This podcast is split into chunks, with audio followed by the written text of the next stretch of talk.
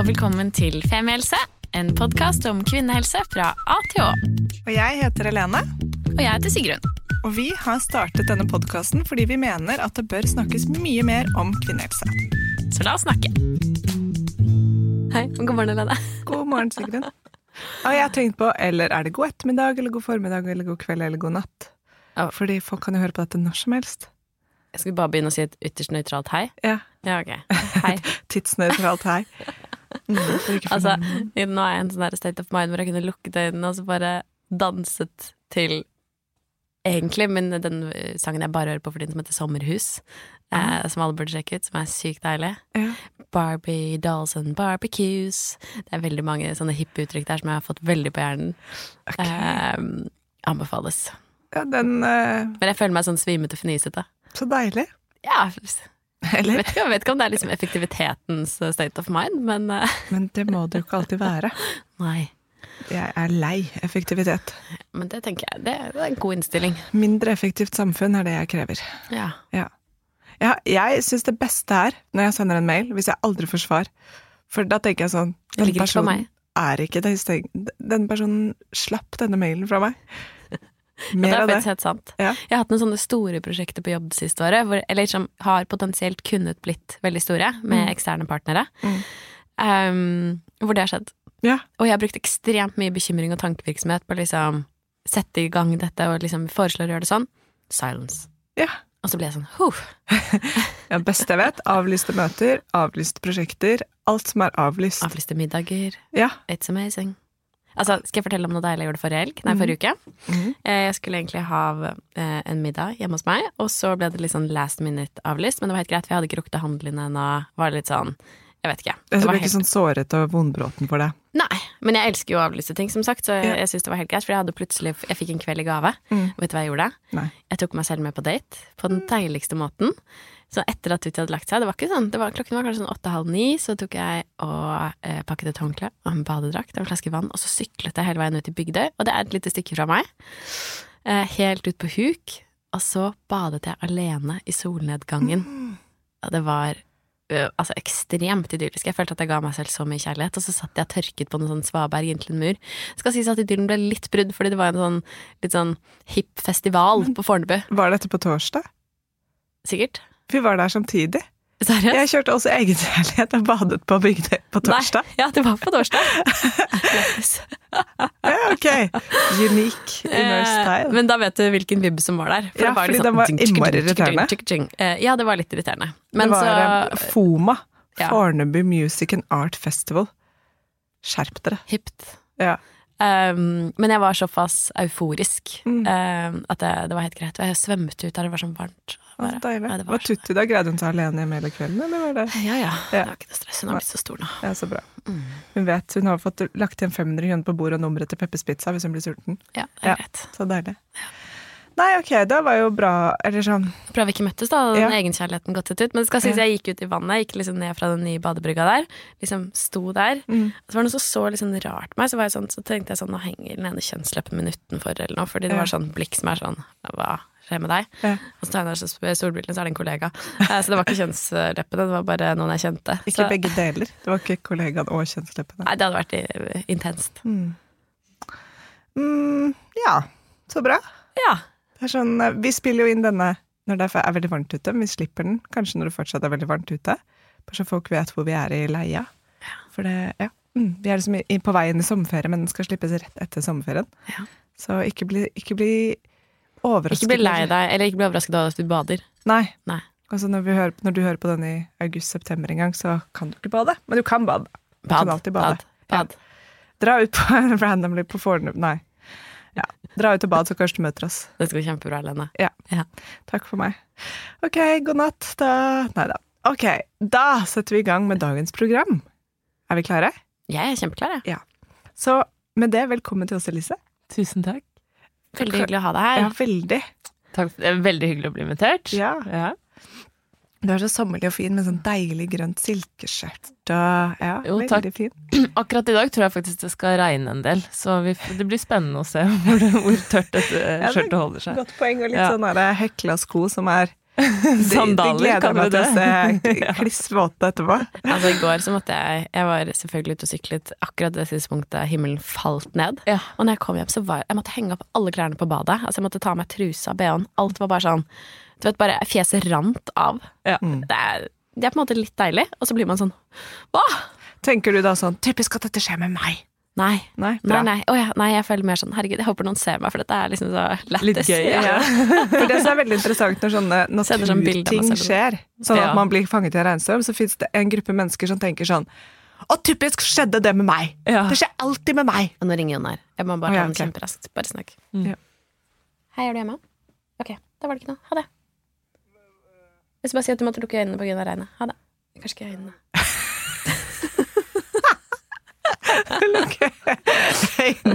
Det går kjempebra.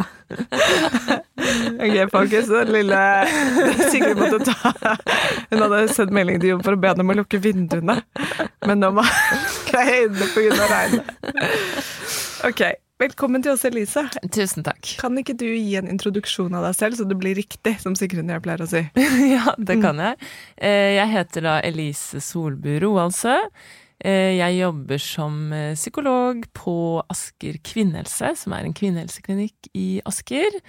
Eh, og der eh, Det ligger litt i navnet, naturligvis. Eh, og der, i tillegg til å drive individualterapi, så skal jeg nå til høsten da starte opp eh, infertilitetsgrupper, som er et gruppetilbud til kvinner som sliter med å bli gravide, da. Så det skal vi kanskje komme litt tilbake til. Mm. Eh, og i tillegg så driver jeg og prøver å eh, skrive en doktorgrad på Oslo OsloMet, eh, hvor jeg forsker mest på bruk av smertestillende og angst og depresjon hos ungdom og unge kvinner. Eh, akkurat nå ser vi liksom på hvordan dette ser ut i eh, kvinnehjernen, så det er veldig spennende. Eh, og så driver jeg podkasten Fødepodden sammen med min fabelaktige venninne Silje Bruvik. Yay! Ja. Fødepodden er på en måte vår søsterpodd. Og det er Å, det var veldig hyggelig sagt til henne. og det Ja, vi er selvfølgelig store fans av Femihelse, da. Eh, og så har jeg da en fantastisk mann, Håkon, og så har vi to små jenter. Hun ene blir ett år i dag, faktisk. Oh, Gratulerer. Ja. Eh, Gratulerer! så måtte vi rømme fra bursdagsfrokosten for å komme hit. Eh, det var bare hyggelig, altså. Mamma Men- må gå. Ja, ja. Ett år. Hun fikk ikke det med seg, kanskje. Nei, nei, nei. Det var storesøster som pakket opp gaven og sånn, så det. Ja. Men eh, Og de er da begge et resultat av assistert befruktning. Så det er jo litt sånn egenerfaring da som har gjort at jeg brenner ekstra for, eh, for det temaet. Infertilitet. Og det er veldig interessant, fordi det er veldig typisk for femihelsegjestene. Er at veldig mange av kvinner som forsker på noe eller jobber noe, har en sterk historie til det selv. Ja.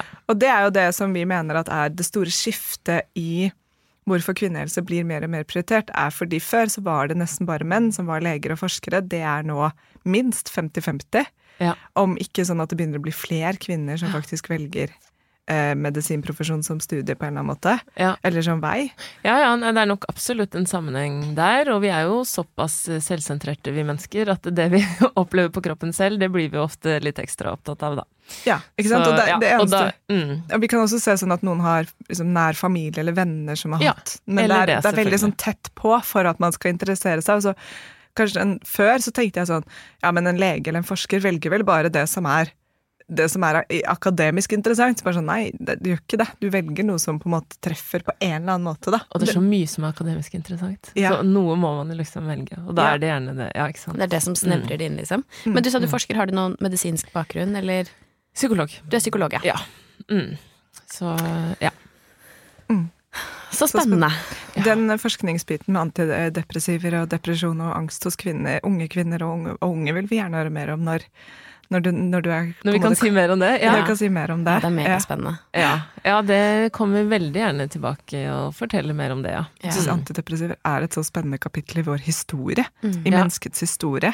Sånn, her var løsningen, og så Oi, vent litt, da. Det er ikke kanskje helt sånn Ja, nå ser jeg Jeg forsker faktisk ikke på antidepressiva, men smertestillende. Smertestillende, Eh, ja. men det er veldig mange unge som bruker smertestillende eh, når de har angst og depresjon. Så vi har jo en tanke om at, eh, at de kanskje bruker det litt som, eh, som antidepressiva, om du vil, da. Å ja, jeg trodde du sa anti... Ok. Nei, det er rett og slett Ibux og Paracet-bruk Ja. som er skyhøyt hos unge. Men det syns jeg også vi kan lage en egen episode om, da, for Mm. det er veldig spennende. Jeg føler også det har vært et skifte fra liksom foreldregenerasjonen og besteforeldregenerasjonen, hvor mange har vært ekstremt forsiktige med å på en måte ja.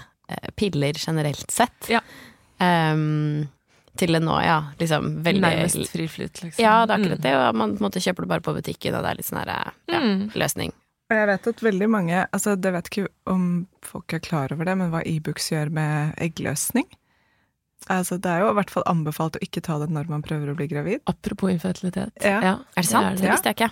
Jo, husker du ikke vi snakket om det når et reklamebyrå vi kjenner skulle, fikk det, skulle jobbe med det og hadde sånn veldig sånn Ibux-fokus utover. Mm. Og så er det virkelig sånn er det, Vet du hva det gjør? Nei.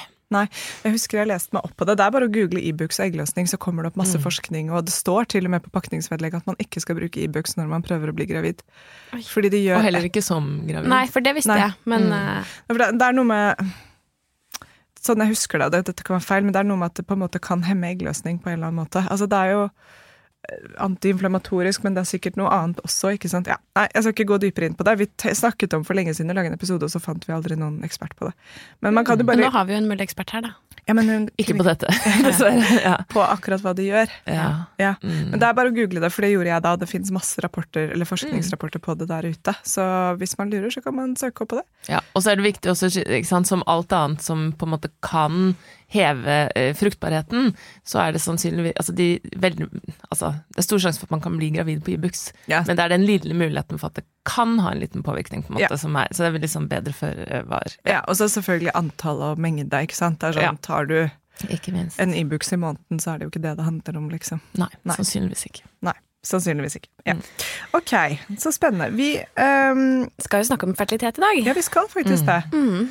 Um, og fertilitet og stress, rett og slett. Ja. Eller infertilitet og stress, kanskje. Jeg vet ikke hva, Ja. hva det blir. Men det, det, det blir vel det riktige å si. Ja. Mm.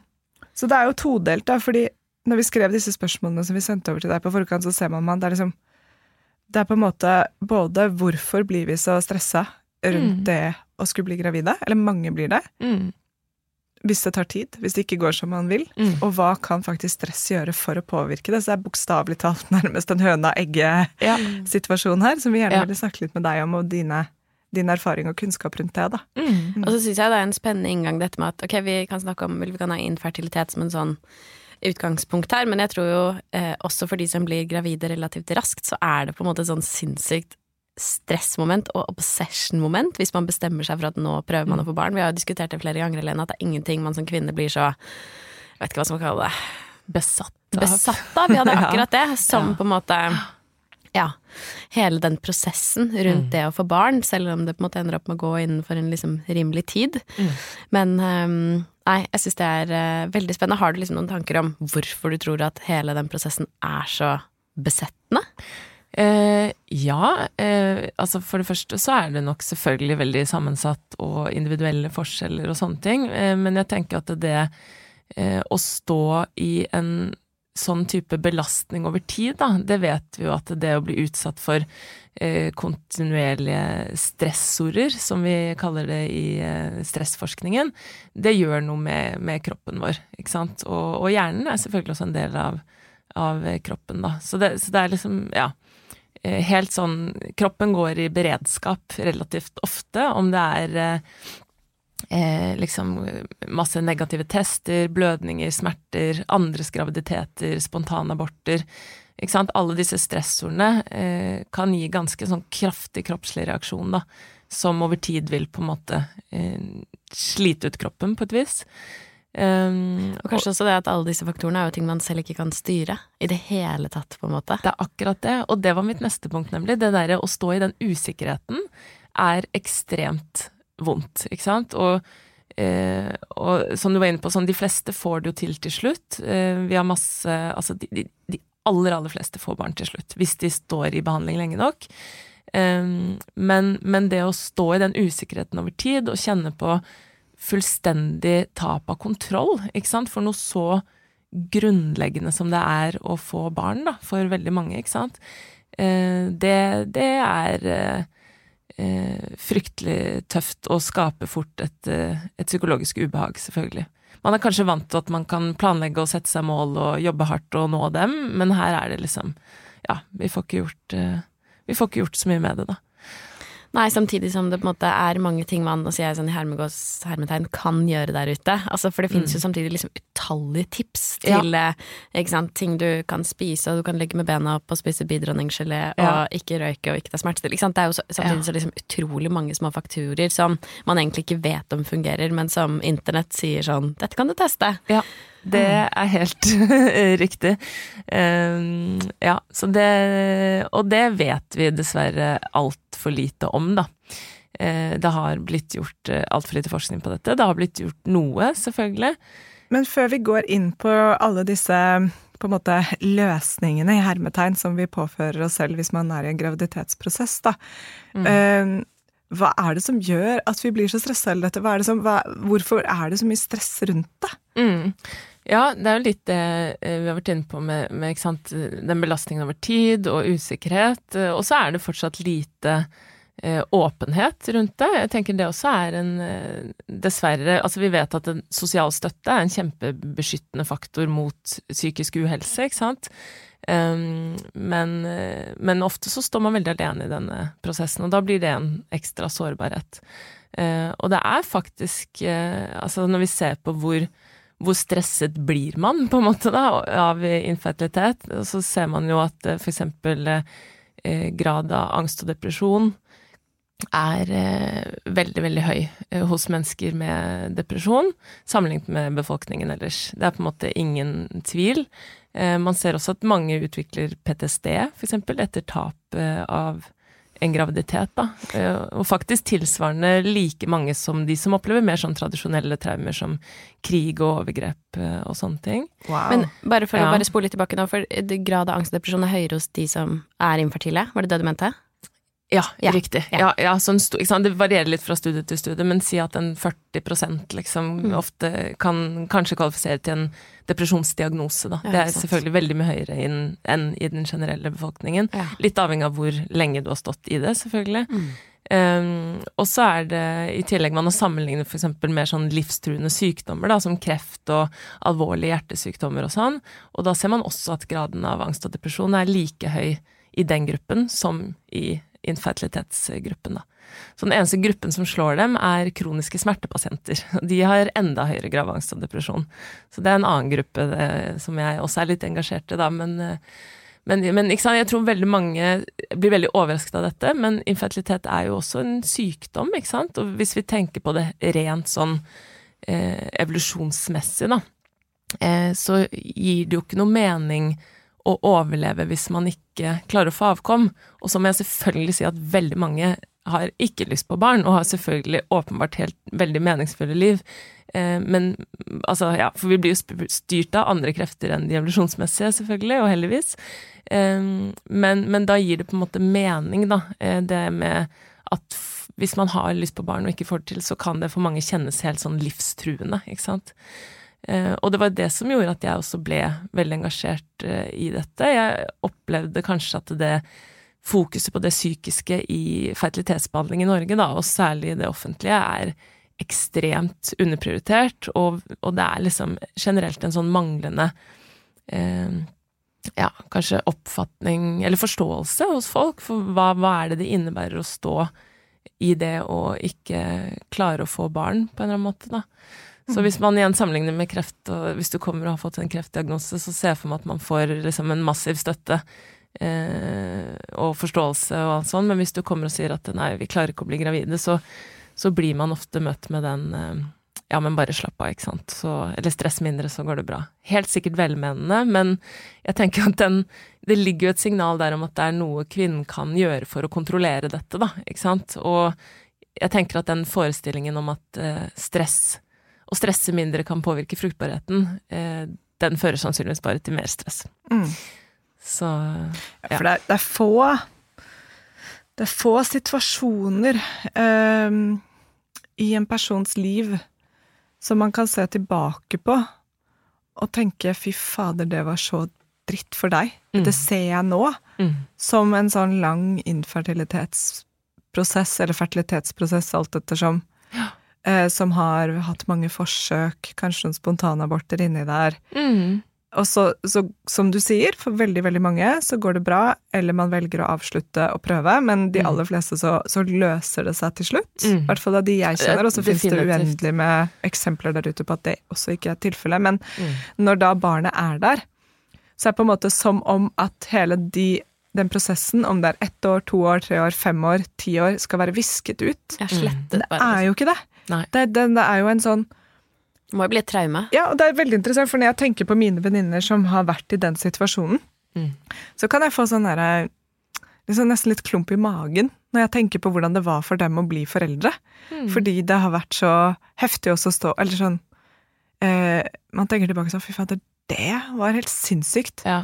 Ja, det er det. Og så- er det mange som selvfølgelig får barn, og så er den perioden at den gjør ikke vondt lenger, men det er som du sier, den har jo vært på en måte et viktig kapittel i livet der, og så er det liksom den eh, Det er derfor det er litt viktig for meg også å peke på den, hva viser faktisk forskningen av den psykiske belastningen? Jo, den er skyhøy, ikke sant, for jeg får så mange eh, Altså, jeg møter så mange pasienter og sånn som lurer på meg er jeg så svak som ikke takler dette bedre? For jeg blir jo bare møtt med liksom eh, slapp av, eller i helsevesenet, og så er det liksom Nei, men ro ned, liksom. Nei, ikke sant?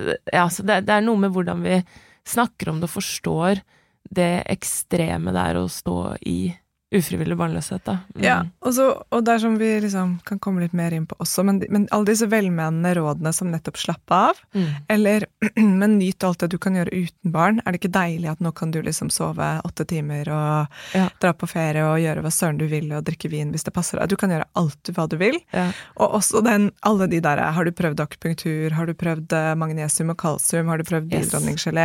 Eh, min venninne fikk det til etter at hun la om til lavkarbo. Ikke sant? Det er sånn, Ja. Hvis man begynner å gå inn i det, det sporet og gi de rådene, eller ta imot de rådene, så er det det er, det er evig, da, ikke sant?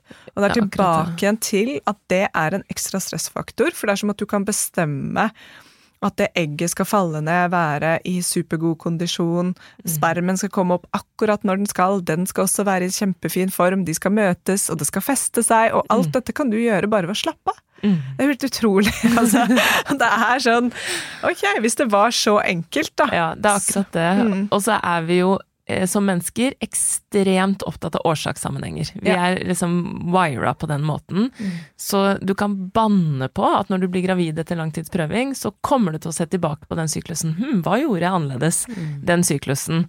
Og om det var å være på spahelg, eller om det var å spise masse pærer, eller ikke sant, så, så vil vi eh, helt sånn automatisk koble at åh, det må ha hatt en sammenheng Det med var det, de grapefruitene. Ja, det var det. ikke Mm. sant? Og jeg tenker også det er derfor vi møter den der ja, men du må bare slappe av, bare, hva mener man egentlig med det? Liksom er det en spahelg? For jeg kan si at det, en spahelg kommer ikke til å gjøre deg gravid. Det er på en måte ikke der det Med mindre du ligger. ligger med veldig mange boblebassenger som har bedre spermkvalitet. ja, Nei da.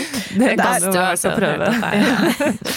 Nei, så det er, men det er, veldig, det er veldig interessant akkurat den der, og nå skal jo jeg åpne opp et eh, yoga- og doula-studio, det kommer mer informasjon om etter hvert, men jeg har også møtt veldig mange i doula, eller yogamiljøet, altså yoginer. Super eh, spreke, avslappede kvinner som lever etter sin Velernærte. velernærte, som lever etter sin egen syklus, og som er bevisste til en viss grad som vi greier å være, ikke sant? som sitt eget følelsesliv, og som jeg tenker sånn, og som fortsatt sliter med å bli gravide. Ja. Ikke sant? Eller som ender opp med f.eks. keisersnitt, som man også tenker at ja, men hæ, det er Ja. også noe man kan kontrollere hva slags fødsel man skal få, Ja. men det er en annen diskusjon. Ja.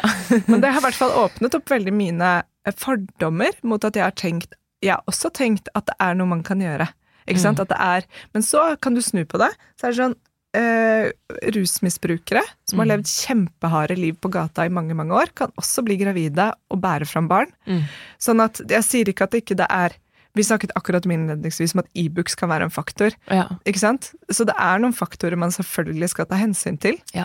Men allikevel så er det mennesker som drikker og røyker og ruser seg, som blir gravide. Ja. Så det er en sånn Vi snakker om statistikk her, vi snakker om små forhold og store forhold. Mm. Så kan man bli helt sånn øh, Ja. Det er det. Og så er det ikke utenkelig selvfølgelig at, eh, at eh, hvis du Altså ved eh, Om det er liksom å drikke mindre kaffe, eller om det er å trene mer eller trene mindre, ikke sant. Det er, så vanskelig å vite. Altså, ja, det er ikke umulig at for deg, for det enkeltindivid, så kunne det hatt en effekt, på en måte, men, men jeg, jeg tror det er en større belastning å skulle eh, gå og hele tiden fokusere på dette og lure på er det noe jeg kan gjøre annerledes. Jeg tror det vil skape et større stress, på en måte, da, Mm. enn um, en det å ja, ja, ikke sant, og, og bare tenke at dette er i stor grad utenfor min kontroll. Det betyr ikke at man på en måte ikke skal oppsøke behandling og sånn, for det er jeg jo veldig eh, for. Men, men eh, ja, det er begrenset hva man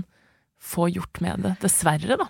Og vi feiret jo nå at p-pillen var 50 år for Ja. et år siden, to år siden. Vi er andre generasjon, kanskje, som har gått aktivt på hormonprevensjon, mange av oss siden vi var 13, 14, 15, 16, Mm. til den dagen man bestemmer seg for å bli gravid. Ja. Da slutter man på prevensjonen sin, og så går syklusen, tar lang tid før den Mm. kommer i gang igjen på normal måte. Eller for noen, første uken uten p-pille, så ble man gravid, ikke sant? Ja, for det, det var akkurat det som skjedde med meg da. Jeg gikk sammenhengen på p-piller fra jeg var, var da 14 til 26, da, og så sluttet jeg, og så kom ikke mensen. Eh, men da er det veldig viktig for meg å understreke da, at det, det er ikke p-pillene sin skyld, på en måte, for p-pillene har ikke kjempelang halveringstid. De har veldig kort halvering, altså de går ut av kroppen kjapt. Eh, så det er en sånn der myte, kanskje, eh, om at eh, ja, men det er p-pillene som gjør at at mensen ikke kommer tilbake. Men det handlet jo rett og slett om at jeg trodde jeg hadde hatt regelmessige sykluser, men man har ikke sykluser når man går på mensen, det er jo bare en sånn blødning man får av p-pillene. Eh, Så det viste seg at jeg hadde da utviklet eh, PCOS i mellomtiden, uten at jeg var klar over det, ikke sant? Eksakt, og det er det jeg Mm. mener, at du har, ikke, du har ikke noe kjennskap til din egen syklus. Hva Nei, er egentlig er syklus det. for deg? Yes. Og for noen Mm. så kan det jo til og med altså, ja, det, er, det er så mange ting som kan skje. Da? Man kan komme til og med en tidlig overgangsalder eller hva det skal være, uten at man vet. Vet altså, det er så mye som kan skje Ja. når du eh, på en måte har en syklus som ikke er eh, naturlig. Ekte. Ja, Det er ikke en syklus. Og Ja. det er veldig interessant, fordi det snakker jeg med venninne, noen venninner som liksom har sluttet på p-piller. Og sier de sånn ja, men jeg hadde så stabil syklus når jeg gikk på p-piller. Ja, Da ble jeg sånn du har. Du har ikke syklus. Men dette vet vi jo ikke. Dette nei, Nei, nei, nei, nei, ikke sant? Og det, det er no blame på det. Det bare er Det kjennes jo likt ut. Ja, det kjennes likt Ja, ut, og du ja, har mensen, og du tenker at men for å ha hatt mensen så må jeg ha hatt en eggløsning. Nei, du har et opphold i kunstige hormoner. Det er det som gjør at eh, endometriet kollapser. Så det er sånn Nei, det er superinteressant, og det, det mener jeg rett og slett er en for dårlig informasjon. At eh, fastleger og gynekologer tenker at ja, men dette kan folk, ikke sant? Mm. når de skriver ut en p-pille til en 14-åring. Eller kanskje man fikk beskjed når du var 14, men det er gone, ikke sant. Ja. Uansett, poenget mitt er at vi er noen av de første som da har ikke visst om vår egen syklus, har ingen vet ikke om man har PCOS, eller Mm, noen kan til og med heldigvis ha levd lenge uten endometriosesymptomer Mm. fordi det har vært trykket ned av en hormonspiral, eller Ja. ja.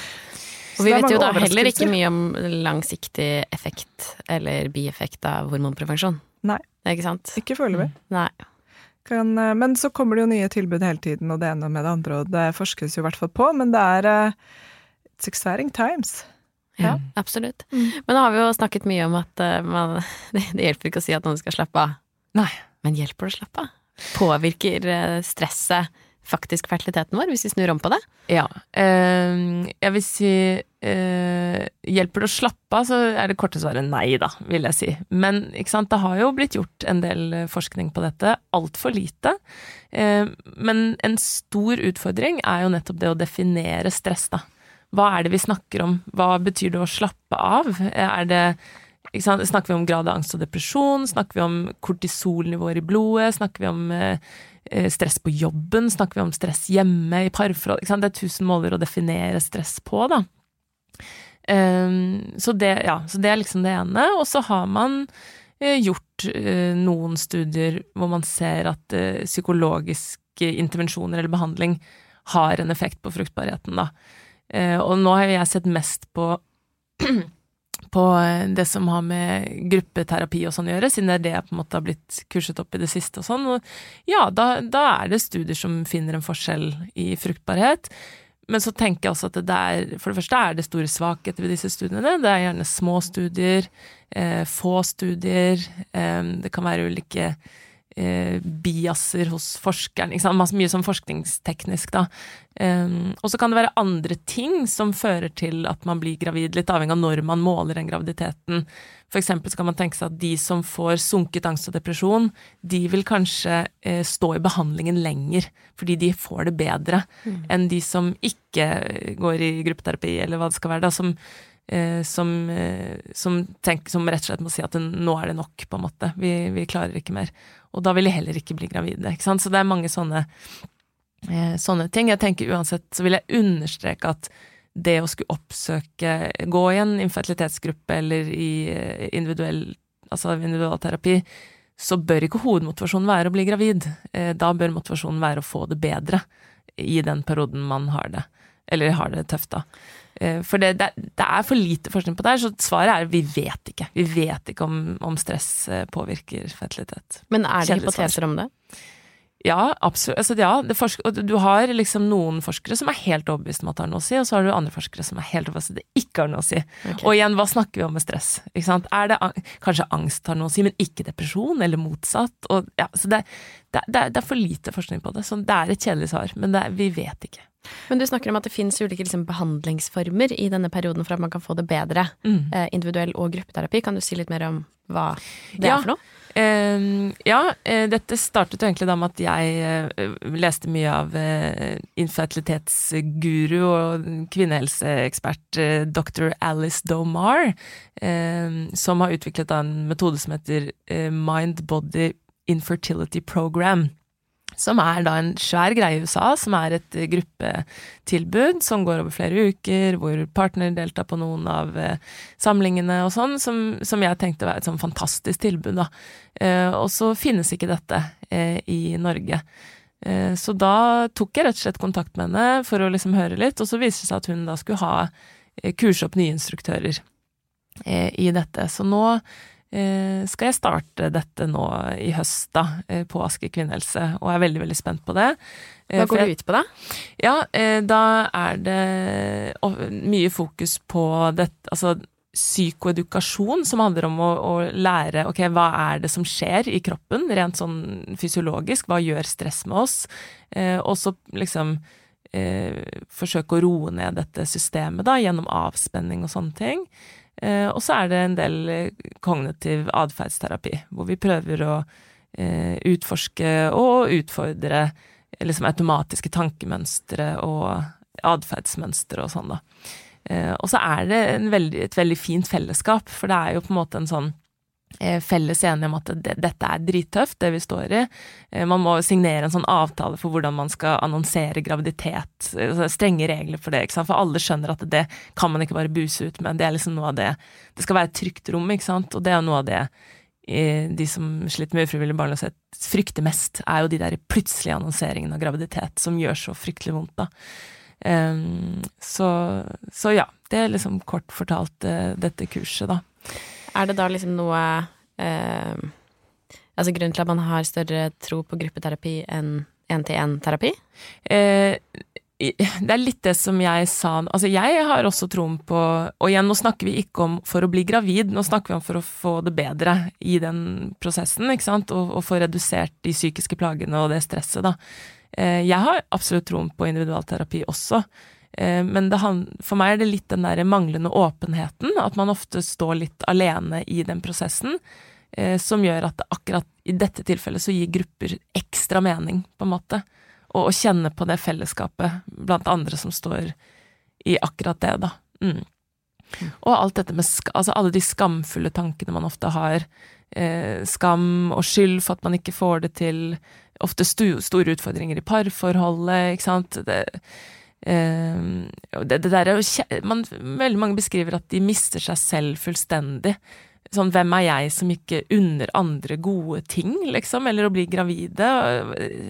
Hva er det for noe? Man blir helt besatt, uh, liksom, på eh, Ja, man isolerer seg ofte veldig, da, ikke sant. Livredd for å se andre store mager.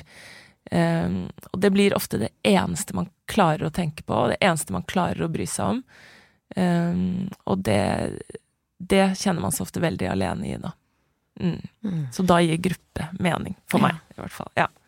Det er veldig interessant det der med, med hvordan uh, vi responderer når noe pågår over lang tid. Jeg tror Mm. alle kvinner som har prøvd å bli gravid, uansett om det har vært én eller to sykluser eller ti år, kan kjenne seg igjen i hvor lang en syklus kan være. Ja. Og som kan være ganske vanskelig, tror jeg, for partner å sette seg inn i. Ja. At liksom den tiden fra du får mensen til neste eggløsning er evighetslang, og fra eggløsning til du kan ta test er enda lengre. Mm. Uh, og at det, det blir så langt, men at det er så, det er så veldig sånn, nå, nå bare snakker jeg sånn fra et menneskelig, eller sånn på menneskesykisk perspektiv, at ikke man kan heller glede seg. Hvis du skjønner at det er sånn Det skjedde ikke denne, men kanskje neste! Ja, og hver gang du ser en gravid mage, så kan man heller være sånn Å, jeg gleder meg sånn til det skjer med meg! Ja. Men så at vi går ned i sånn forsvars... Ja. Med en gang at, at vi møter de Mm. den opplevelsen av å få menstruasjon, eller at andre er gravide med Mm. sorg og redsel og irritasjon og sinne. Det er kjempe... Jeg bare syns det er interessant. Det er veldig sånn dårlig fra, fra, fra liksom Evolusjonsperspektivet, Ja. på en måte. At vi liksom, Ja. at ikke vi var bare rewired til å bare Jeg ble ikke denne gangen, men kanskje neste. Ja. Men det er ja, helt motsatt. Ja, det er virkelig det er, Jeg har til gode å møte noen som ikke syns det er kjempevanskelig å høre om andres graviditeter, ikke sant. Og det, det er ikke en kul følelse å kjenne på. Altså, ja, det, er, det er utrolig skamfullt å ikke å kjenne Kanskje man kan bli glad, men det er også ofte en stor, stor del av eh, misunnelse, da, ikke sant. Mm, som er en vond og skamfull følelse. misunnelse og, og, en sånn, og som er masse skam rundt, men også en sånn man hadde sett for seg at man skulle være samtidig, Ja. eller at det skulle skje noe. Det er veldig det. mange store planer, da, ikke sant. Ja. Og det også være en sånn fertilitetsprosess, så tenker man sånn hvis det er denne måneden, så blir det baby den måneden. ja. Alle så, planene. Ja, alt ikke sant. det er så enormt, da. gang Mm. på gang så må man liksom Og jeg, altså jeg kan ta et eksempel på min, fra min egen eh, infertilitetshistorie. At jeg fikk det plutselig helt irrasjonelt for meg at svigerinnen min var gravid. Mm. Altså kjæresten til lillebroren min, da. Mm. Og jeg ble, jeg ble helt besatt. Altså, jeg ble helt gal. Og det var sånn, vi bestilt, var ute og spiste og bestilt burgere, og så gikk hun bare på do før maten, og da var jeg overbevist om at hun skulle inn og si til servitøren at de måtte steke burgerne ekstra mye. Og så la hun ut bilder av jentetur, og jeg zoomet inn på drinken hennes. Hm, har den en litt annen farge enn en min drink? Eh, Nei, ikke min drink, de andres drink, da. Og ble helt sånn gæren. Og jeg turte ikke spørre dem, fordi jeg var så redd for det svaret. Mm. Og da var det ikke bare den misunnelsen, det var det også det å, det å skulle bli tante. Som jeg kan se for meg helt fantastisk. Jeg har fortsatt ikke blitt det. Eh, for hun var jo ikke gravid, ikke sant.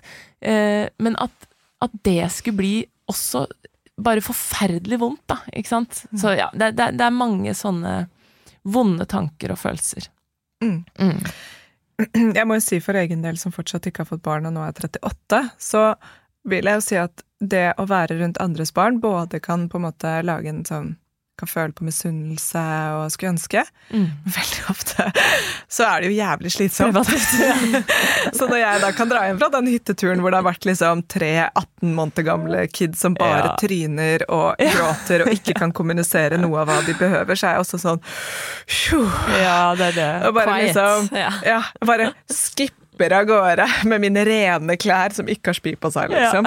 Så den, den er sånn, akkurat det der med tante, Ja, det der å ja. være tante til mange, mm. også en sånn Jeg vil ikke si preventiv effekt, men det er en effekt I hvert fall på meg så skaper det en sånn Nyt litt Nyt. at du kan sove Ja. nå. Og så ville jeg aldri funnet på å si det til noen som går gjennom en sånn prosess, og, eller til meg selv. ikke Ja. Mm. sant? At det er sånn Jeg vet at det er ikke det er ikke fasiten, på en måte, men når jeg er mye sammen med små barn, så kan jeg kjenne sånn Om man klarer å nyte, så er det jo selvfølgelig ikke noe bedre enn det. Det er jo mer at det, ja, åpenbart har de tenkt på sånn Å, du, sier du det, liksom? Skal jeg bare gå hjem og nyte? Ja, det skulle jeg ønske jeg visste tidligere. Mm. Men helt klart, ikke sant. Klarer man å fokusere på andre ting og ting man liker å gjøre og sånn, så er det helt åpenbart noe man bør tilstrebe, liksom. Ja, og det greier jeg i hvert fall. Jeg greier det veldig bra hver gang jeg har sovet mm. ti timer og våkner opp i min egen seng og bare i mitt rene sengetøy. Så kjenner jeg bare sånn Ja.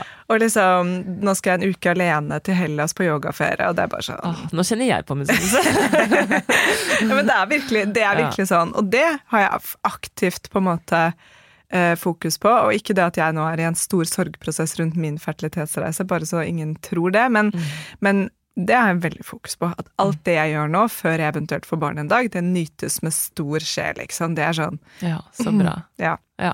Og så selvfølgelig, men det som er interessant, er at når du har overflod av sånn type nytelse, så blir det jo ikke like stort. Ikke sant? Jeg merker jo forskjellen på meg og mine venninner når vi skal ut og spise middag, og de er overtenning og skal ha glass Ja. champagne og bare er helt sånn derre barnefri, og jeg er bare sånn En Yeah, dag. It's- nice to see you guys, men ja. Jeg skal si noen andre i morgen. Ja. ja, jeg stikker til New York i morgen på sånn derre Nei da. Um, så ja. Mm. Ja, så bra. Um, vi snakket litt om um, dette med å håndtere disse følelsene, har vi jo på en måte vært litt innom nå, men jeg syns det der med ja, den formen for gruppeterapi eller det å, å snakke med andre og Jeg syns det var så fint det du sa innledningsvis, at man vet også at isolasjon er noe som fører til økt eh, Økte negative følelser, da. Mm. Eh, Men hvordan kan man involvere da familie og venner mer, eller partner, eller har du noen tips der?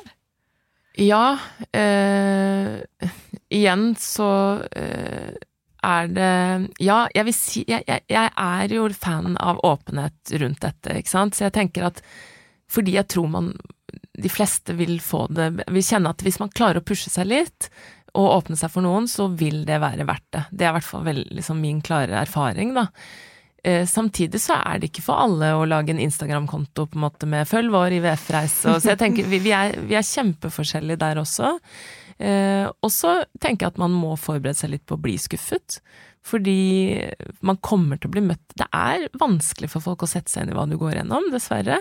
Eh, og man, blir ofte møtt med lite sensitive og sårende kommentarer, som helt sikkert er velmenende, ikke sant, men som for eksempel sånn eh, ja, hvordan kan du ikke bli glad på andres vegne, eller hvorfor adopterer dere ikke bare, eller Ja. ikke sant, som vitner om den manglende forståelsen.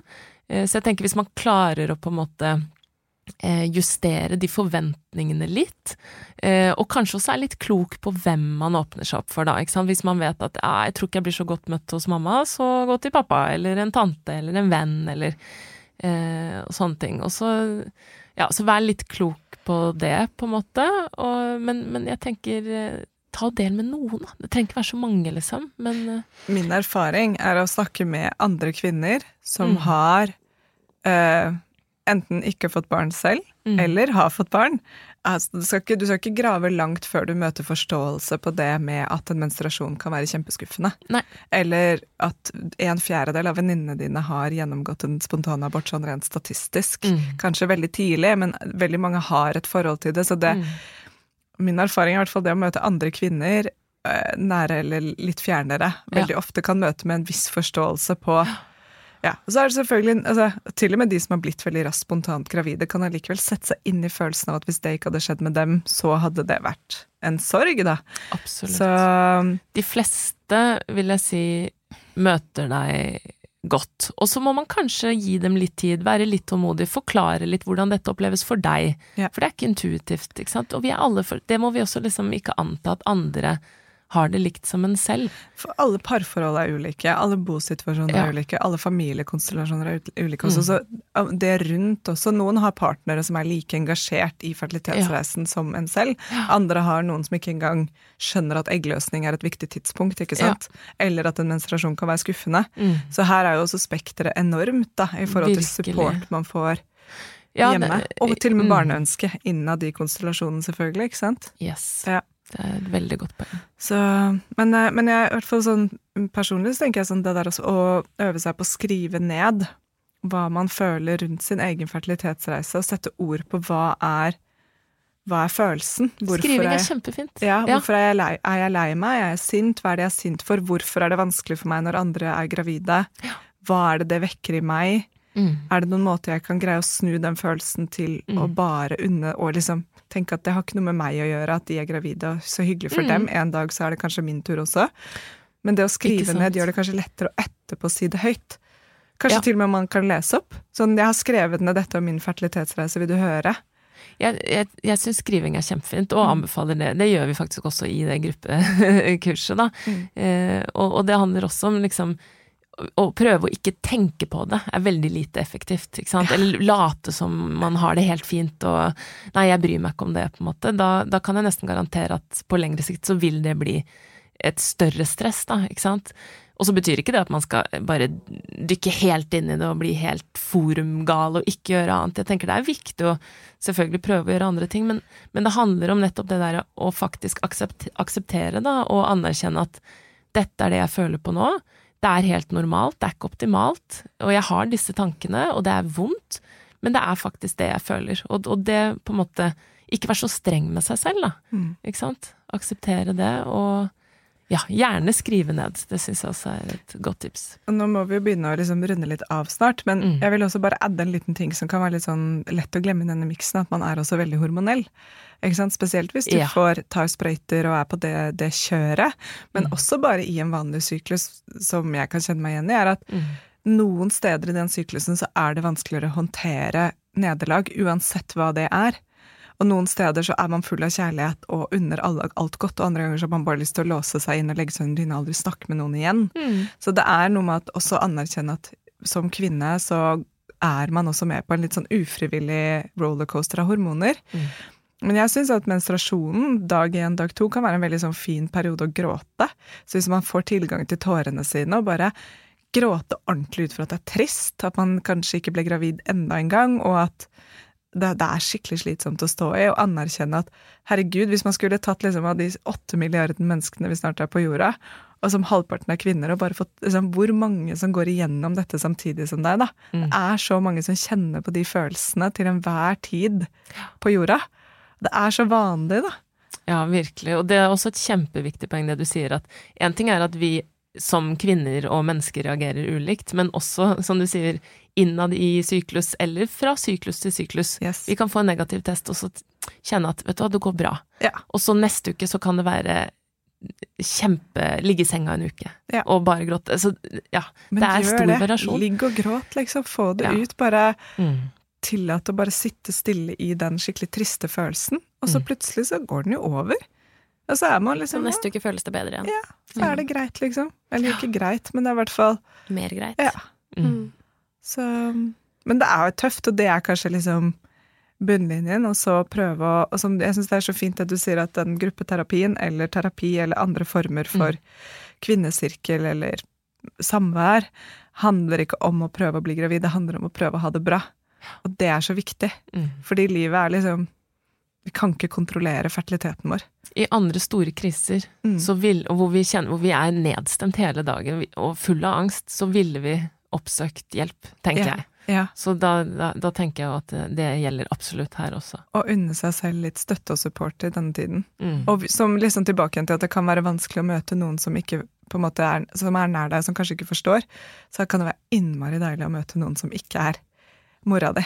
Ja, ja, ikke sant? Ja. Så når vi slipper denne episoden, så har jo du kanskje startet opp med Eh, ja, sannsynligvis. Det blir nok litt uh, utpå høsten, så jeg håper at det skal være mulig å gå inn og melde seg på fortsatt, da. På Asker kvinnehelse sine sider. Mm. Ja, så hvis eh, det ikke er tilgjengelig enda når vi slipper denne episoden, så følg litt med, og så skal vi også prøve å huske å dele tilbudet når det er det ute. Ja. Tusen takk, Elise. Takk for at. Det var veldig, veldig fint å snakke med deg om dette. Mm. Takk for det. Takk for besøk. Snakkes. Ha det. Ha det. Tusen takk for at du hørte på podkasten vår. Selv om det forhåpentligvis kommer tydelig frem, så vil vi understreke at vi ikke er helsepersonell. Ja, så Som vanlig, kontakt legen din om du har noen spørsmål, eller om du skal begynne på noen form for behandling. Og Har du et tema som du har lyst til at vi skal snakke om, eller noe ris eller ros, så send oss gjerne en melding på Facebook eller på Instagram. Der finner du oss under Femihelse. Mm. Og du kan gjerne rate oss på iTunes, det er skikkelig hyggelig for oss. Ha en fin dag. Ha en kjempefin dag.